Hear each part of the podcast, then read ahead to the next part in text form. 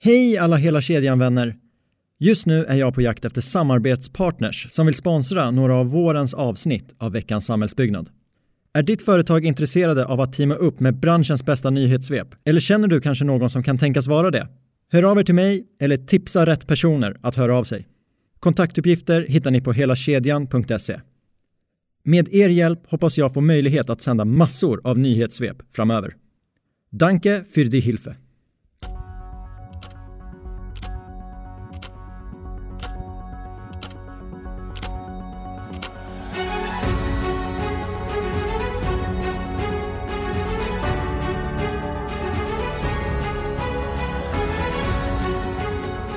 Morsning korsning och varmt välkomna till veckans samhällsbyggnad. Nima Asadi bakom mikrofonen. Det är söndag, klockan är 07.00, så låt oss sätta igång. Enligt en Novusundersökning genomförd på uppdrag av byggföretagen så sparar allt fler unga till en bostad. Andelen unga kvinnor som bosparar har ökat från 75 till 79 procent. Och motsvarande siffra för unga män har gått från 60 till 61 procent. Enligt byggföretagen så är ökningen en konsekvens av bolånetaket. Eh, ja, jag vet nog inte riktigt om jag kan hålla med om det. What? Det känns som att det ökande sparandet bland unga även kan bero på att nattklubbar är stängda, restauranger är typ stängda och köerna till Systembolaget i genomsnitt är 500 meter långa. Det finns med andra ord inte så mycket annat att lägga sina pengar på. I mean, really? Really? Really? Tidningen Byggindustrin har korat årets bygge och vinnaren av 2021 års pris är projekt Stockholm Norvik Hamn. Och det är inget litet projekt vi pratar om. 10 års planering och tillståndsprocesser, 4 års byggtid och en kostnad på 3,8 miljarder kronor. Det var vad som krävdes för att Sverige skulle få sin första nybyggda godshamn på flera decennier. Ett drygt 40-tal entreprenörer har varit med i projektet. NCC, JM Entreprenad, Veidekke, Peab, Implenia, MVB Öst och RA Bygg för att nämna några. Stort grattis till er från oss på veckans samhällsbyggnad. Veckan bjöd även på två stora nyheter från Fabege. Söder om Stockholm, närmare bestämt i Huddinge, så har bolaget tecknat ett avtal om markanvisning för utveckling av Flemingsbergsdalen, som ska bli en stor internationell affärs och forskningshubb. Området omfattar cirka 220 000 kvadratmeter och enligt Huddinge kommun så är detta Sveriges största stadsutvecklingsprojekt. Men det räcker inte för Fabege. För i veckan blev det även klart att bolaget tillsammans med Skanska har köpt ett stort markområde i Solna för att bygga bostäder, förskolor och kontor. Och enligt Solna kommun så är detta Solnas i särklass största och mest komplicerade stadsutvecklingsprojekt. Det är gasen i botten som gäller för Fabege. Nu finns det kanske någon som tänker, men hur vågar de? Kommer vi ens behöva kontor i framtiden? Alla vill väl jobba hemifrån? Nja, enligt en Novus-rapport på uppdrag av Stockholms handelskammare så stämmer det visserligen att trenden är att arbetstagare efterfrågar en ökad flexibilitet.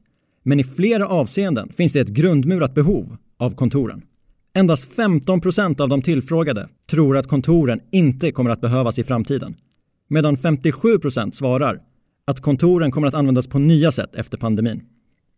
De tillfrågade tror även att de i snitt kommer att arbeta strax över tre dagar i veckan från kontoret. Investmentbolaget Öresund köper in sig i Oscar Properties genom en riktad emission. För 38 miljoner kronor får de 9% av bolaget. Med pengarna ska Oscar Properties citat ta tillvara på de tillväxtmöjligheter som bolaget ser i marknaden. Liket lever med andra ord. Det var som fan. Caroline Arehult blir ny VD för Akademiska Hus. Akademiska Hus ägs av staten, är ett av Sveriges största fastighetsbolag och investerar årligen mellan 2,5 till 3 miljarder kronor i ny-, om och tillbyggnationer. Caroline, som tidigare suttit i Akademiska Hus styrelse och som senast kommer från rollen som VD på Hemfosa, tillträder som VD under hösten. Finlands största byggföretag, YIT, utför för närvarande ett test där de tar hjälp av tre hundar för att minska smittspridningen av covid-19 på flera av sina byggarbetsplatser. Hundarna är tränade för att med hjälp av dofter känna igen coronaviruset och enligt YIT finns det vetenskapliga bevis för att hundarna är väldigt träffsäkra i sitt arbete. Hundarna kan citat känna igen coronaviruset i ett prov flera dagar innan det syns i ett laboratorietest. Det är dock inte på byggarbetsplatsen som hundarna kommer springa runt utan i en särskild utbildningslokal dit munskydd använda på bygget skickas för analys. Det var lite synd, för ett tag lät det som världens roligaste byggarbetsplatser.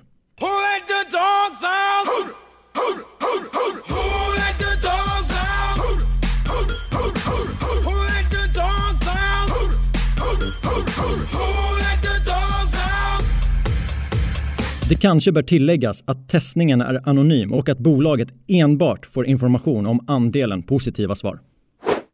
Arbetslösheten är nu 9,3 procent bland medlemmarna i Byggnads och Målarnas a-kassa. För ett år sedan var arbetslösheten drygt 7,4 procent.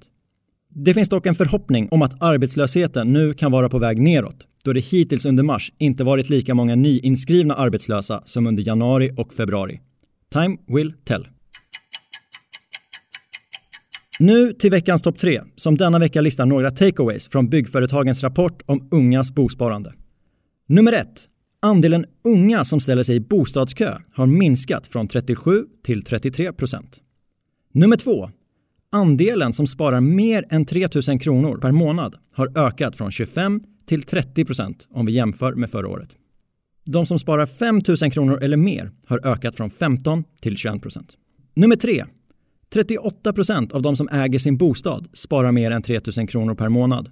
Motsvarande siffra bland de som hyr i första hand är 24 procent. Det var allt för den här gången, men om stjärnorna står rätt så hörs vi snart igen. Ciao!